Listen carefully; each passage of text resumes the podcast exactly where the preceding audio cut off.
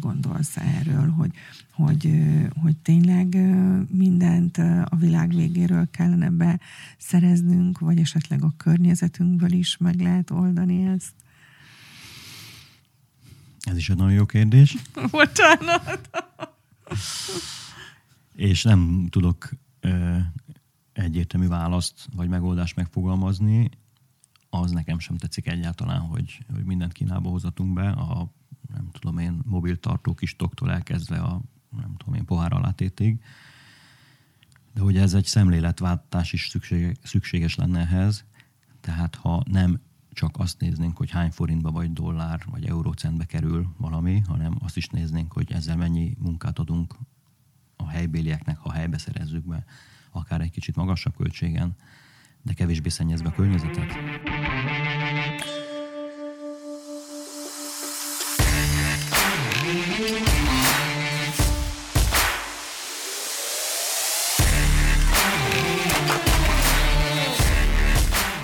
Üdvözöllek a HH podcast stúdiójában, az 50 az új 30 ugye a nevünk, és Tokár Balázsjal beszélgetek a Kortím tagjával. Balázs, én nem emlékszem, hogy mi mikor kezdtünk együtt dolgozni, hogy több mint öt éve, de nem emlékszem, hogy mikor. Igen, hát köszönöm mindenképpen a meghívást először is. És igen, én is idefelé úton gondolkoztam, hogy mikor volt az első kapcsolatfelvétel, és ezt ilyen 2012-13-ra tenném, de akkor még nem volt közös munkánk. Csak megismerkedtünk. Akkor csak egy rendezvényetekre jöttem el, és érdeklődtem, hogy mi merre, hány méter. Tehát ez egy kapogatózó olyan régen volt. Igen. Azt tudtam, hogy több mint öt, de, de hogy, hogy mikor találkoztunk először, arra már nem is emlékszem. Igen. Annyira sűrűek ezek az évek. Mm. Te emlékszel rá, hogy melyik volt ez a rendezvény? Vagy már arra nem annyira emlékszem? Sajnos a rendezvényre, hogy pontosan mi volt a téma, arra nem, de arra igen, hogy, hogy amikor a, egy multinacionális vállalatnál lehúztam 16 évet, és akkor három kisgyermekünk volt, és nagyon vágytam arra, hogy kihagyjak egy évet, és a családommal legyek. És utána elkezdtem dolg- gondolkozni, hogy merre tovább. Akkor így eljátszottam a gondolattal, hogy milyen jó lenne, hogyha nem kéne 12 hónapot egy évben dolgozni, hanem ezt lehetne valami olyan megoldással is művelni, hogy, hogy maradjon egy pár hónap olyan időszak, amit, amit a saját uh-huh. környezetemmel, családommal, hobbiaimmal töltetek és valahogy így keresgettem talán az interneten, és nem emlékeztem a nevetekre, de azt tudom, hogy nem sokkal később érkezett a leveles ládámba egy meghívó egy rendezvényre Aha. tőletek. Gondolom a keresés alapján Aha. esetleg. Mik derülnek ki így ezer év távlatából? És így fölkeltette az érdeklődésemet. Eljöttem, arra emlékszem, hogy a Péterrel, Fejős Péterrel Aha. rögtön mm, beszédbe is elegyedtem, ő ott tartott egy, egy előadást, vagy valami uh-huh. hasonló volt, tehát uh-huh. hogy láttam, megéreztem, hogy ő egy motoros, nem is akármilyen, és őt kérdezgettem, hogy mégis mi ez a műfaj, hogy, mint merre, meddig, mondott pár dolgot, továbbra is megmaradt az érdeklődésem, de közben más munkák más vizekre vittek, és aztán 2014 végén Akkor konkretizálódott, és, és 15 legelején januárjában azt hiszem, vagy január közepe vége, valahogy így kezdtünk. Akkor tulajdonképpen ez az öt év. Hát és... most már a hat év letelik igen, pár héten belül. Igen, igen. Ahogy elég, elég jól haladunk így időben, mert hogy én azt érzem, hogy azért ez a műfaj, ez elég sűrű. Tehát így, így úgy érzem, hogyha egy, hogy nem feltétlenül csak a 2020, bár ez a 2020 az három évnek számít a sűrűségében, de, de minthogyha ezek a projektek, akár a hat hónapos projekt is, nem hogy a hosszabb, de hogy, hogy mint hogyha duplán számítana, vagy, vagy most hogy, hogy látod? Tehát, hogyha így visszatekintesz, hogy nehezebb, aktívabb, sűrűbb, ahogy én fogalmaztam, uh-huh. mint a normál alkalmazotti világ? Vagy bejötte, bocsánat, uh-huh. bejötte az, amire számítod, mert nagyon sokan gondolnak arra, hogy majd másképp fognak dolgozni, vagy bejötte az, amire számítottál? Én azt gondolom, hogy abszolút bejött. de hogy pontosan mire számítottam, azt nem tudom. Azt csiklandozott, hogy hogy lehetne úgy biztosítani a családom megélhetését, hogy mégsem lapulok ki közben a munka alatt, és, és valamennyi szabadidőm is, is marad. És erre tűnt egy pompás megoldásnak az interim uh-huh. lét. De hogy egész pontosan ezenből mire is számítsak, azt akkor még abszolút nem tudtam. Arra emlékszem, hogy Péter mondta ezen az ominózus beszélgetésen, hogy hát bizony arra is föl kell készülni, hogy több hónap is lehet, amikor nincs megbízás, akár fél év is eltelhet így. Erre mondatára emlékszem. És ennek akkor még mindig örül az ember. És ez, ez nagyon felvillanyozott, hogy hát ez valami remek. Ennyi szabad időm lesz. E, hát igen, az interim létnek szerintem mondjuk így három fő pontba lehet összegezni, a, vagy így megjeleníteni a, a lényegét, legalábbis erről az oldalról, hogy kérdezted. Az egyik az, az pont az idő, tehát, hogy más az időszámítása egy interimnek, egy projekten, vagy egy, akár egy, tehát egy interim projekt időszámítása is más, szemben egy alkalmazotti léttel, ahol éves tervezés van, több fordulós, nem tudom, jóváhagyás, elkezdjük, ja, ez átsúszott, nem baj, majd akkor jövőre. Tehát egy interim projektnél sokkal konkrétabb, sokkal megfoghatóbb, és az elvárás is egyébként az, hogy mindenképpen éven belül, tehát mondjuk hat hónap alatt kilenc esetleg tegyünk le valamit az asztalra. Tehát ez egy más időszámítás, sokkal sűrűbb. Uh-huh. Sokkal sűrűbb. Akkor még a másik kettő pontot is gyorsan mellé vigyezteném, hogyha megengeded. A, az egyik az az, hogy a felhatalmazásunk más. Tehát ami, amire kérnek, vagy amilyen jogosultságaink vannak, hogy mit tegyünk, ott tegyünk, szemben egy alkalmazotti léttel, ahol azért megvannak a munkaköri mm, dobozok, skatuják, abból nem nagyon lehet kilépni. Itt azért át, jellemzően egy nagyobb felhatalmazással bírunk sok esetben. Ez szerintem egy fontos dolog, tehát nem feltétlenül akadunk el olyan ö, vélt vagy valós akadályoknál, amit egy, egy alkalmazott megél, hogy hát a főnököm nem hagyta jóvá, hát akkor ez, ez, ez nem fog menni. Mi, mint interimek, ha látjuk, hogy kell, akkor az nem is kérdés, hogy nyomjuk, és próbáljuk elérni, hogy ez uh-huh. ne pattanjon vissza. Hát a harmadik pedig talán a teljesítménynek az a része egyrészt, hogy, hogy nem azért hívnak minket, hogy megnézzék, hogy esetleg jók vagyunk-e, vagy nem, hogy a próbaidő alatt teljesítünk, vagy nem, mondjuk, mint egy alkalmazott uh-huh. esetén, hanem itt már eleve meg van a bizalom, ami szerintem első és másodszorban nektek köszönhető, tehát, hogy egy szolgáltató ajánlásával, egy ismert szolgáltató ajánlásával, ha jön valaki, akkor az biztosan nagyon jó. Uh-huh. Tehát eleve van egy bizalom, viszont a teljesítmény kényszer is ott van, tehát nem lehet elhalasztani az eredményeket, hanem, hanem le kell tenni az asztalra. Uh-huh. Tehát mondjuk egy akkor egy éve sűrítünk bele, amúgy egy kettő-három évet akár. Igen, igen, akkor sűrűbb. Igen, én is azért érzem mindig úgy, hogy, hogy úristen, még csak öt éve, vagy mert hogy olyan, ez, mint hogyha ezer éve ismernénk egymást, mint ugye annyi minden történt uh-huh. ezekben az években. Én a, nekem az az első emlékem egyébként, nagyon-nagyon határozott emlékem rólad, amikor megpróbáltak lebeszélni uh, arról, hogy ilyen profil szinte sose kell, mert hogy ugye kompassz programos voltál, és úgy kerültél már hozzám, úgymond, amikor konkrét ügyekről, hogy beszélgessünk, hogy mi van a piacon.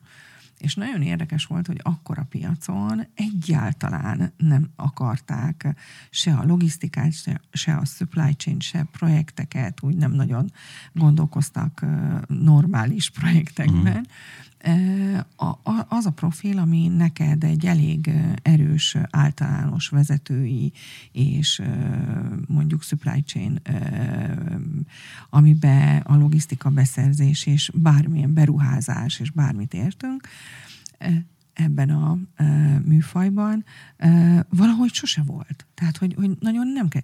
Tőlünk abban az időben mindenki quality managert kért, mert mennyiséget, minőséget határidőre nem tudtak szállítani a cégek, és mindenki a kvalitében látta a megoldást, és mi hiába mondtuk ügyfeleknek, hogy de egyébként ott vannak egy más funkciók is, akik uh-huh. esetleg tehetnek ezért valamit, egyszerűen nem ment.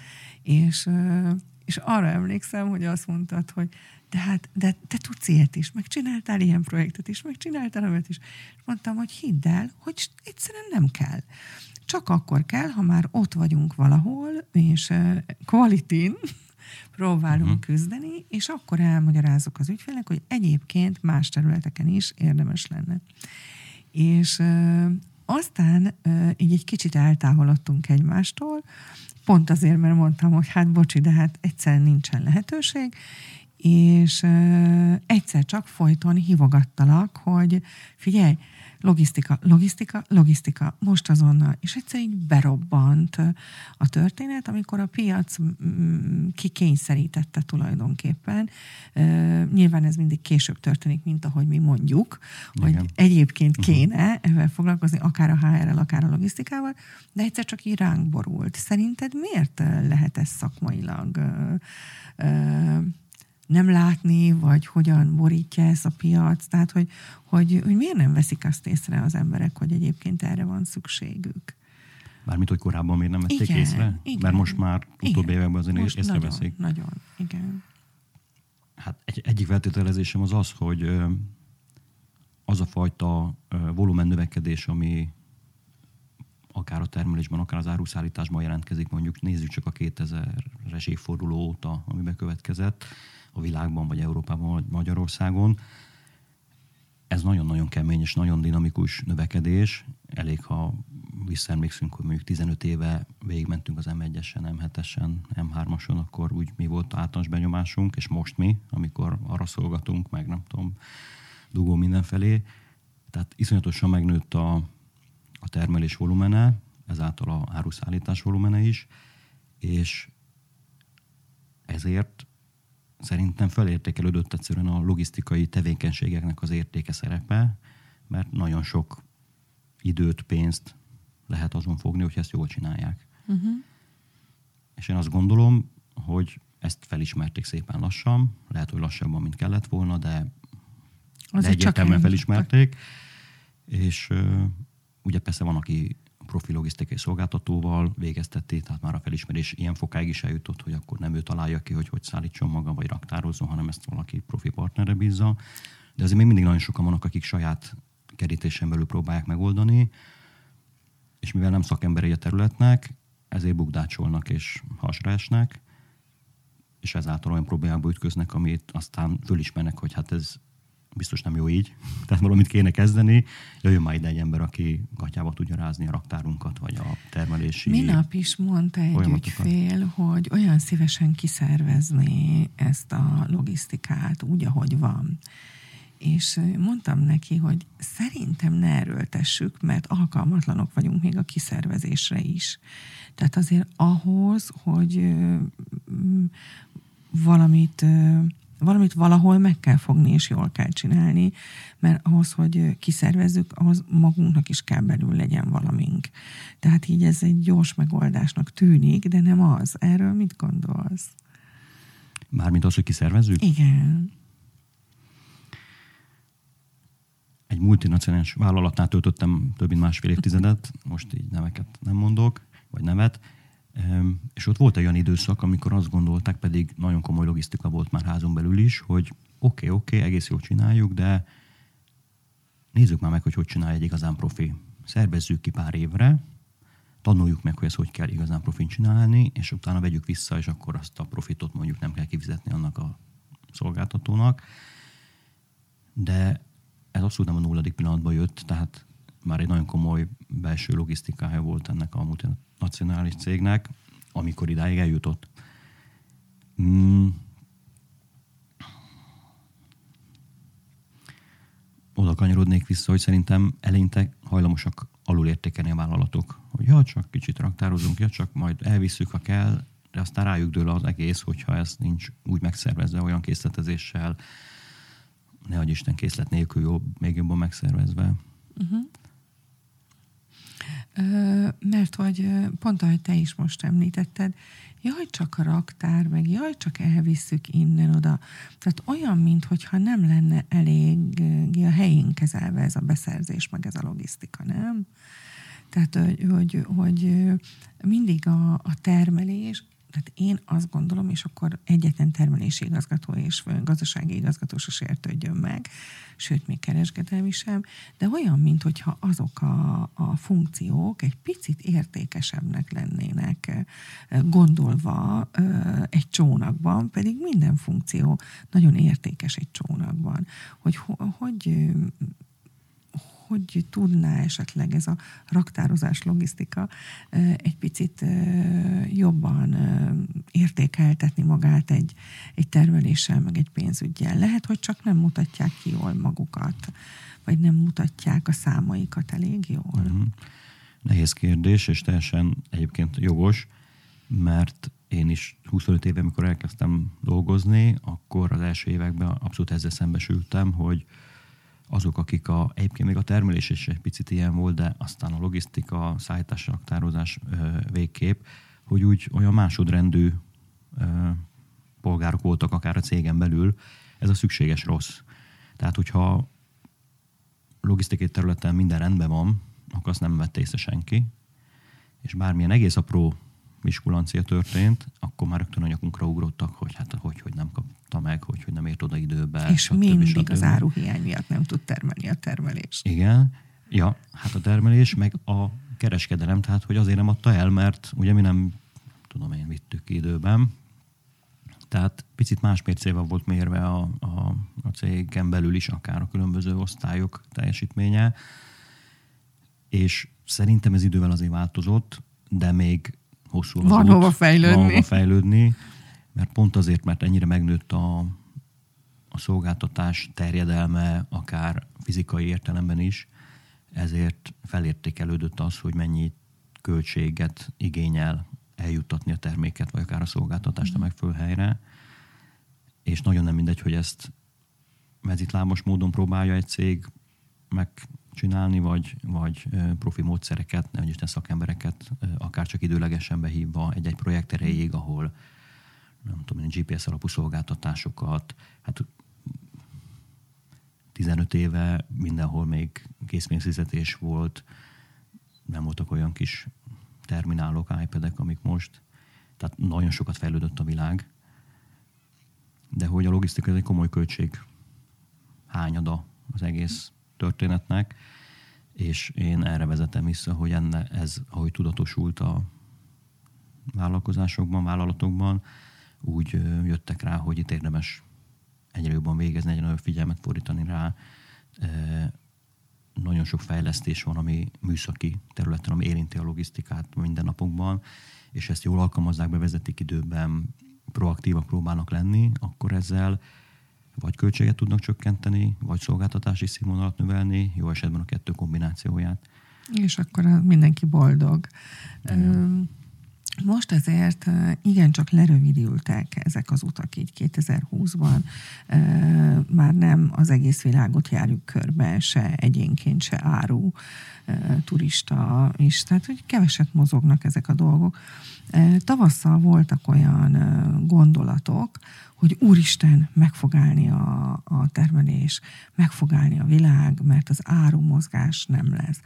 Most úgy néz ki, hogy azért az árumozgás az, az működik, bár az embermozgás az nem, vagy nem annyira, csak munkaügyben lehet mászkálni, de, de az árumozgás azért nem szenvedett csorbát, vagy csak ideig, óráig.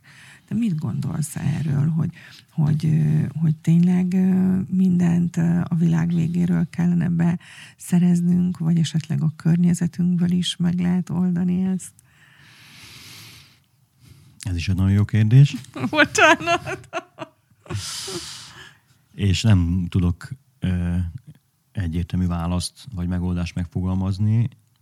Az nekem sem tetszik egyáltalán, hogy, hogy mindent Kínába hozatunk be, a nem tudom én, mobiltartó kis toktól elkezdve a nem tudom én, pohár alátétig. De hogy ez egy szemléletváltás is szükséges, szükséges lenne ehhez. Tehát ha nem csak azt néznénk, hogy hány forintba vagy dollár vagy eurócentbe kerül valami, hanem azt is néznénk, hogy ezzel mennyi munkát adunk a helybélieknek, ha helybe szerezzük be, akár egy kicsit magasabb költségen, de kevésbé szennyezve a környezetet. Tehát, hogyha picit a, a pénz és költségközpontú megközelítés helyett egy ilyen holisztikus, vagy egy, egy nagyobb spektrumot átfogó módon néznénk a világot, akkor abszolút lenne helye annak, hogy egy kicsi lokál patriotizmus is, vagy kicsivel több, mint most beleférjem. De ez azért ne, ne jelentse azt, hogy a, a technika vívmányait ne használnánk, tehát hogy ezt abszolút Ez teljesen logikus, de, de szerintem azért az elég nagy költség a, a szállítási költség is, tehát lehet, hogyha egy kicsit kisebb szállítási költséggel, mert azt mondod, hogy akkor a, a költség, hogy esetleg az egységre eső bekerülés az drágább, de hogyha rápakolják a, a szállítási költséget, akkor már ez nem olyan biztos, nem?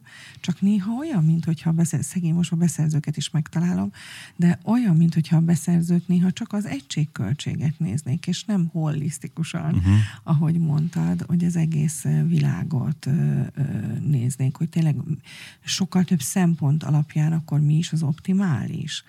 Hogy ez még lehet, hogy ezen is lehet mit fejleszteni, nem? Hát abszolút.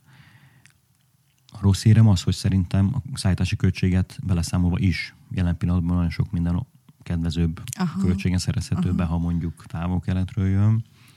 De mindaddig mondom, ameddig nem ö, kap egy nagyobb jelentőséget, nagyobb súlyt az egyéb szempontok, ami nehezen uh-huh. mérhető, hogy most mekkora utat tesz meg, hogy mérjük a környezetszennyezést igazából egy termékre lebontva, ez nagyon nehéz. Uh-huh. De ez picit olyan, hogy ha megvan az elköteleződésünk a megújuló energiák irányában, akkor ezelőtt 20 évvel is voltak már olyanok, akik napelemben gondolkoztak, ahol, amikor még a megtérülés az a világ végén volt, és mégis belevágtak. Most már azért ez sokkal ö, emészhetőbb módon és többek által is elfogadható módon adja ki a matek a megtérülést. Tehát ha a klímavédelmet komolyabban venné az egész világ, de hát ez kicsit túl messzire vezet, akkor ezt a mindennapok szintjén is lehetne esetleg foganatosítani. Arra akartam rátérni ezzel, hogy nagyon sokféle cégkultúrában látod megvalósulni ezeket a dolgokat. Azért a te alkalmazotti életed tulajdonképpen alkalmazott menedzserként tulajdonképpen angol száz kultúrában dolgoztál. Igen. Ez egy nagyon jó kultúra abból a szempontból, hogy régen pláne nagyon jó kultúra volt, mert a tehetséges fiatalokat összegyűjtve kiképezte, nagyon sok mindent megtanított, és, és rengeteg területen lehetett belekóstolni a világba, a cég világába. Te, te hogyan csináltad, hogyan csinálták ezt veled annó? Tehát miért volt az nagyon jó, amit akkor ott veled csináltak? Az, hogy az nagyon jó, azt részben akkor is éreztem, de utólag még inkább felértékelődött, amikor láttam, hogy más, más. cégkultúrákban ez hogyan működik, vagy hogyan nem működik. Akkor így 25-6-7 évesként tojáshéjjal a hátsómon olyan természetesnek vettem, mert logikus volt, érthető volt, lehetett kérdezni, ötletelni, nem harapták le a fejemet, hogyha új ötletekkel álltam elő. Tehát egy nagyon támogató, befogadó, inspiráló környezet volt.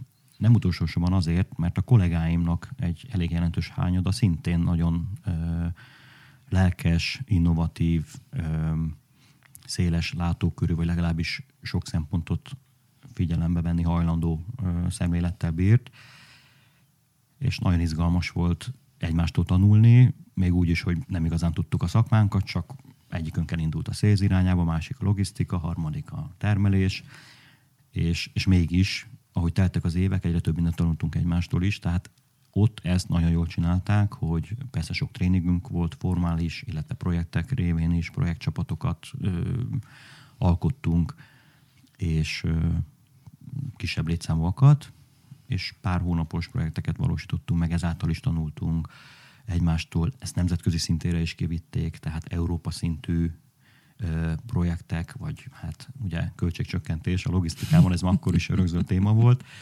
És emlékszem, hogy három havonta különböző pontjain Európában találkoztunk, és ott megvitattuk a helyi viszonyokat is, mindenki a saját országából hozta a példákat, hogy hogyan lehetne javítani, mit lehetne tenni, és mindez a kvázi körutazás az arra is szolgált, hogy egyrészt sokat lássunk, tapasztaljunk, másrészt a saját kis itthoni üzletmenetünket illetően a friss élmények, ötletek eh, révén újabb mondjuk költségcsökkentő, vagy színvonal növelő eh, beruházás, fejlesztés, stb. valósítsunk meg.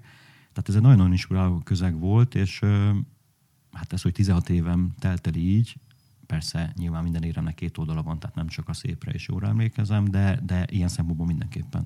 De tanulni rengeteget, rengeteget lehet. Igen. Mert ugye a formanis tréningek, a, a úgymond on the job uh-huh. tréningek igen. a projektek kapcsán, a nemzetköziség, a nagyon vegyes csapatban dolgozunk, együttműködünk, azért ez egy jó kultúra. Nagyon. Tehát így el, elmondhatjuk, ma is jó lenne, hogyha az angol száz kultúrák legalább ilyen türelmesek lennének, már sajnos nem mindegyik ilyen türelmes, de hogyha átmegyünk egy másik kultúrába, amit, amit főleg ugye a projektek kapcsán találkoztál nagyon más kultúrákkal is, mi volt az, ami úgy meglepő volt így a kultúraváltásoknál? Hogy mit, mit, mi, mi lepődtél meg a leginkább, hogy pozitívan vagy negatívan, hogy más, úristen, ez más. Mert igazándiból szerintem nem az iparági váltás a legmeglepőbb az emberek számára, ahogy én tapasztalom, amikor váltanak, hanem a kultúraváltás. Uh-huh. Igen, hát többféle projekten voltam, és, és több cégkultúrát is ugye megtapasztaltam nem állítom, hogy az angol száz kultúra, cégkultúra a legjobb, mert találkoztam olyannal is, ahol üdítő volt azt látni, hogy nincs minden standardizálva és egységesítve, akár a, a folyamatok, vagy a cégfelépítés, munkakörök tekintetében, hiszen minden országban egy picit azért mégiscsak más a helyzete a adott cégnek. Tehát lehet, hogy meg kell adni a teret, sőt biztos szerintem, hogy meg kell adni a teret a helyi uh-huh. specialitások lekezelésének. És üdítő volt azt látni, hogy van olyan cégkultúra, ahol ennek sokkal nagyobb teret adnak. Persze olyan cégkultúra is van, ahol túl nagy teret adnak. Túl nagy teret, átesnek a ló túloldalára, és uh, ugyan multinacionális cégnek nevezik magukat, de ők maguk is tudják, és mesélték is nekem magas beosztású vezetők, hogy ők tudják, hogy ez azért nem olyan multinacionális cég, mint úgy a, a krém, vagy a, a, a akikre ilyenkor gondolunk. Ami negatív élmény volt, hogyha találkoztam tekintélyelvű, szerencsére nagyon kevés esetben, de találkoztam tekintélyelvű vezetése cégkultúrával, hát ez folytogató számomra mindenképpen, aki abban nevelkedett, hogy semmi gond, mondjál ellent a saját főnöködnek, vagy az ő főnökének, természetesen támaszd alá, érvej, egy uh-huh. érdemi és értelmes szakmai vita alakuljon ki, és ez biztos, hogy a, a közösség javát szolgálja, mert ebből valami olyasmire jutunk, ami, ami mindenkinek jó. De hát sajnos van olyan cégkultúra, ahol pozícióból és, és hát nem valós tekintéből osztják alapokat. Hát ilyen helyen szerencsére nagyon keveset dolgoztam, nem is bírtam volna sokáig. Úgyhogy van, vannak jó példák is más cégkultúrákban, van, ahol egy egyvelege van annak, hogy nemzetközi a cég, de azért nem multinacionális, de mondjuk 10-11 nány országban jelen van, de azért családi vállalkozásból indult annó, és ennek a kettős létnek a kavalkádja van, előnye is van természetesen, de, de hátránya is mindenképpen döntéshozatalnál, régi, bekövesedett alapítók szerepének a túlértékelése, uh-huh. vagy a megkérdőjelezésének a elmaradása. Igen, ez nagyon érdekes. Én tőled láttam egyszer egy prezentációban, amit egy átvilágításnál végeztél. Abba avval nyitottál az első szlájdon, hogy háromszög, és a háromszögnek a három kis csücskébe be volt rajzolva, és struktúra folyamat ember és ez egy gyönyörű háromlábú szék, és ez neked az egyik kedvenced. Igen. De ez azért az angol száz, Igen. tehát a, a más székkultúrában valahogy mindig hiányzott egyik lába annak a széknek. Mert nekem az a gondolatom ezzel kapcsolatban, meg a tapasztalatom is, hogy, hogy egy átlátható struktúra, egy kellő mennyiségű, minőségű folyamat, és a kiválasztott, kiképzett ember meghozza az eredményt. Csak ugye nagyon sok helyen nem pont így értelmezik ezt a három sarkot. Te melyiket érzed úgymond a legfontosabbnak, vagy, vagy Magyarországon mit tapasztalsz? Mert én azt látom, hogy minthogyha Magyarországon az ember lenne a legfontosabb, és a kiválasztott, kiképzett az már nem annyira, de a bizalmi ember az mindenképpen, és ezt a struktúrát vagy folyamatot hát úgy nagyon billeg, billegve tudják megugrani.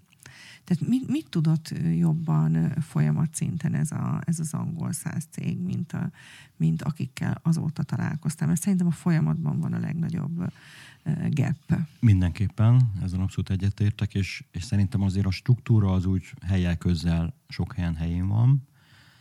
Az emberek vonatkozásában tényleg az van, amit te is említettél, hogy, hogy nem feltétlenül a legjobb emberek vannak, vagy az arra érdemesek vannak azokban a pozíciókban, és a emberek kiválasztásánál és vagy fejlesztésénél vannak mindenképpen hiányosságok, de a legnagyobb hiányosság mégiscsak a folyamatoknál van, hogy ezek nincsenek ö, megfelelően feltérképezve, kitalálva. Hát most mondhatnám a Lean szemléletet, hát azt esetleg névről ismerik, és mondták, ja igen, tudom, volt egyszer nálunk, de a mindennapokban ez nem érhető tetten, hogy lett volna, és tényleg ez szerint ezt az emletet alkalmazva működnének a mai napig is. És ez egy nehéz dió, mert ahhoz, hogy tehát ez egy módszertan is akár, és nem állítom, hogy a Lean az egyetlen, de azt tudjuk, hogy nagyon hatékony, mert rengeteg iparágban Csak és hogy ez fél évszázada bizonyít. De ez egy életforma is, tehát ezt, ezt ha jön egy kis csapat, aki három hétig beszél a lénről, akkor ezt úgy nagyon nehéz utána továbbvinni. Ehhez olyan embereket kell helyi szinten kiképezni, akik utána ezt életben tartják, és tényleg egy folytonos, állandóan megújuló és a módszertani elemeket használó. A folyamattal is ez a baj, hogy marha ki. sokáig tart, míg azt leírják, megnézik, bemérik, tehát, és annyira gyorsan változik a világ, hogy nem érnek rá, vagy nem gondolnak arra, hogy rugalmas céget, rugalmas folyamatokat kell összerakni. Mert azon lehet módosítani, vagy azon könnyebb módosítani, amikor össze van rakva. És tudom, hogy drága, meg lassú, és a mai világban egyik sem kell de mégiscsak valahol érdemes lenne. Van valami praktikus ötleted arra, hogy hogyan lehetne mondjuk, vagy te hogyan szoktad csinálni azt a szervezetet, amit megkapsz, hogy hogyan gyorsítasz olyan dolgokon, amit elméletileg olyan lassan lehet csak csinálni, és drágán. Igen, hát ugye többféle projekten voltam, valamikor egy klasszikus gap management van, egy pár hónapról van szó, még azt a pozíciót be kell tölteni, olyankor azért nehéz elindítani egy ilyen változást, főleg akkor, hogyha esetleg az a megbízás maga, hogy nem feltétlenül kell itt nagy változásokat végrehajtani, csak menjen szépen tovább, ketyegen a operáció. Ilyenkor nehéz. És ugye egy picit ez az interim lét, ilyen hasonlatokat tudnék mondani, hogy ö, hallottam korábbi adásban ez a deszantos, ugye ledobnak minket a dzsungel közepébe, és már ahogy ereszkedünk le a helikopterön, már lövöldözünk, nem feltétlenül túlva, hogy kire, és aztán a bozott vágókéssel néha egy-egy szép szálvirágot is elnyesünk. Ö, tehát, hogy a projektek időtartalma az nem feltétlenül elegendő arra, hogy egy kultúrát megváltoztasson, sőt, hát ez egy mondjuk egy traumatológiára vagy baleseti sebészetre tudnám inkább hasonlítani, vagy ahhoz, amikor életveszély közeli állapotban van a beteg, gyorsan meg kell találni, mi a probléma, életmentő ütétet végrehajtani, de aztán a rehabilitáció, meg a egészségmegőrzés egyéb tudatos formái, na az már nem ránk marad. Az hát idő, ritkán, vagy igen, ritkán marad ritkán. Mert onnan ránk. már mindenki tudja, hogy hogy kell csinálni. Igen, igen, igen. Úgyhogy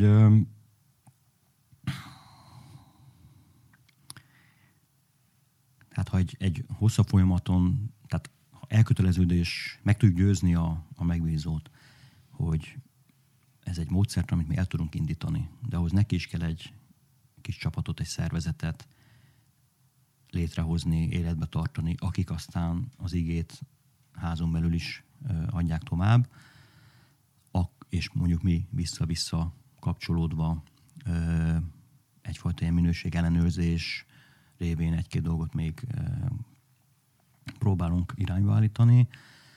Ez például egy, egy működő modell, de visszakanyarodva a kérdésedre, volt hosszabb projekt is. Azért kérdeztem. Igen. A módszertani elemeken kívül, amiben nagyon-nagyon hiszek, az az emberek és a csapatmunka. Uh-huh. Tehát sokszor találkozom azzal, hogy az interimtől azt várják, hiszen 20 éves vagy 25 éves szakmai tapasztalattal bír, hogy hát akkor mondja meg, hogy itt mi a jó irány, és merre kell menni. De nekem az egyéni hitvallásom, arcpoétikám az nem teljesen ez. Tehát van nekem is ötletem, hogy merre kéne, vagy lehetne menni. Nyilván, ha én vagyok a felelős az egészért, akkor van egy pont, ahol esetleg már kevesebb tér van annak, hogy együtt ha elhúzódna az idő, és haladni kell. Tehát őrkönöm a felett, hogy a megadott időkereten belül, és semmiképpen se túllépve haladjunk, de azon belül szerintem az az igazán inspiráló, és akkor van meg a helyi csapatban is a, az elfogadás, ez a buy-in, hogyha ők is részesei a közös ötletelésnek. Ennek is megvan is. a módszere, tehát Bocsánat, igen. Bocsánat, már csak, már csak azért is, mert ők vannak otthon, és lehet, hogy ők már nem látják, hogy tűzoltókészülékkel rohangálnak egy fél éve, vagy három, és annyira megszokták, és mi kívülről bemegyünk, és látunk friss szemmel, de akkor is ők vannak otthon, és együttműködve tudunk igazán nagy eredményeket elérni. Tehát, hogy a, ha jól értem, akkor azt mondod, hogy, hogy mindenképpen mindenkit bevonva, egyszer csak meg lesz a tökéletes. Mindenképpen abban hiszek, hogy csapatmunka hozza meg a, a igazán várt eredményt, akár minőségében is, hogy együtt egyszerűen többek vagyunk, és jobb gondolataink, ötleteink vannak, mint ha egy, valaki mondja meg, még ha nagyon tapasztalt is. Persze előállhat olyan helyzet az időszorításában, vagy más miatt, amikor az egy ember kell megmondja, és ez teljesen rendben is van. De a csapat bevonásának vagy a csapatmunkának több előnye van. Az egyik az az, hogy bevonódnak magukénak érzik a jövőben egy picit más beállítottsággal, szemlélettel, mindsettel mennek a jövőbe is, hogy jé, hát akkor én itt mondtam egy ötletet, azt részben el is fogadták, és tovább gondoltuk, tehát a, a bevonódás magukénak érzik. A másik pedig az, hogy mivel már sok mindent láttam, sok emberrel dolgoztam, ezért azt is eh, nem mondom, hogy jobban látom, de meglátom azokat a lehetőségeket, amikor bontogatják szárnyukat az ifjú, ifjú tehetségek, csak nem voltak sosem fölkarolva, nem voltak uh-huh. megfelelően csúnya szóval éve menedzselve, de mégis inkább azt mondanám, hogy támogatva uh-huh. az erősségeiket szépen ö, segítve, esetleg a, a fejlesztendő területeket is, ö, mint ahogy egy facsemetet, hogy elültetünk. Ideális esetben van körülötte egy kis támogató struktúra, hogy ne ferdén nőjön, vagy nem tudom erre. Tehát, hogy a, úgymond a tehetséggondozás azt szerintem egy nagyon fontos része a csapatmunkának, és ebben a, a felelős és kellően nyitott vezetőnek óriási szerepe van, hogy észrevegye, hogy ott bontogatja szárnyát, vagy ott van olyan gondolat, meg lehet erősíteni. Ő még nem hiszi el magáról, hogy tudja, számos ilyen esetben van, tudnék példákat is mondani, amikor utólag mondta azt a kollégina, vagy kollega, tök mindegy, hogy fú Balázs, nem is gondoltam volna, hogy én erre képes vagyok, uh-huh és azáltal, hogy te hittél bennem, azért neki mertem ugrani, és utána láttam, hogy tényleg, és fú, nagyon jó érzés, és Hát persze, és, megadtad a lehetőséget, és uh, pozitívan. És ezek olyan visszacsatolások, ami ez, ez még akkor is többet ér, annál, mintha én mondom meg esetleg, vagy én csinálom uh-huh. meg helyettük uh-huh. részben. Ha a végkifejlet esetleg nem pont olyan, vagy egy picit elmarad valamilyen szempontból, nem is feltétlenül marad el egyébként, de ha el is marad, azáltal, hogy nőnek ki újabb potentátok, vagy újabb készségek erősödnek meg a csapaton belül, a jövőt a helyi szinten, vállalaton belül leginkább ezt szolgálja. Ez biztos, mert hogy ugye egyedül nagyon gyors vagy, de többen messzebbre lehet jutni. van. És van az a komplexitás, meg van az a mennyiségű feladat, amit nem lehet egyedül megoldani. Nagyon érdekes, hogy amikor megérkezünk, akkor nem hiszik el, hogy három hét alatt, meg három hónap alatt, meg hat hónap alatt hova lehet eljutni és úgy napról napra, hétről hétre már azért működik ez a dolog. Neked is volt egy nagy belépőd egyszer, amikor azt gondoltad, hogy hát egy ilyen relatíve kis projektre mész, relatíve kis feladattal, úgymond új gyakorlat. És amikor mégse új gyakorlat volt, mert úgy hirtelen megtudtad, hogy egy olyan dupla akkora terület, és, és a kihívás is, meg minden, akkor ugye ilyenkor te nem bizonytalanodsz el, mert hát már majd megoldjuk, de itt aztán pláne nagy szükség volt a csapatmunkára. És arra, hogy nagyon gyorsan be tud, vagy működésbe tud hozni a csapatot. Hogy arra mi a titkod, hogy nagyon gyorsan működésbe tudod hozni a csapatot? Igen, élénken él bennem ez a sztori, amit említettél. Valóban a, már a bemutatásom se volt mindennapi. E, már meg volt beszélve, hogy mikor érkezem oda, és szóltak telefonon, hogy picit még később menjek oda, mert a, aki előttem betöltötte a pozíciót, az ő tőle való elköszönés az még picit hosszadalmasabb. És egy teljes döbbenet, hát nem engem fogadott döbbenet, hanem a helyzetet, hogy egyszer csak egy, egy felső vezető el lett bocsátva egyik percről a másikra, és ott állt egy ö, több száz ö, résztvevős vagy létszámú üzletág vezető nélkül, és megérkezett egy teljesen ismeretlen versenyző, ez voltam én, és tényleg így a döbbenet kiült az arcokra rendesen. Azt tudtam, hogy nagyon gyorsan kell eredményeket elérni, mert a bizalom és a csapatmunka ezt, ezt egyszerűen föl kell építeni, amilyen hamar csak lehet.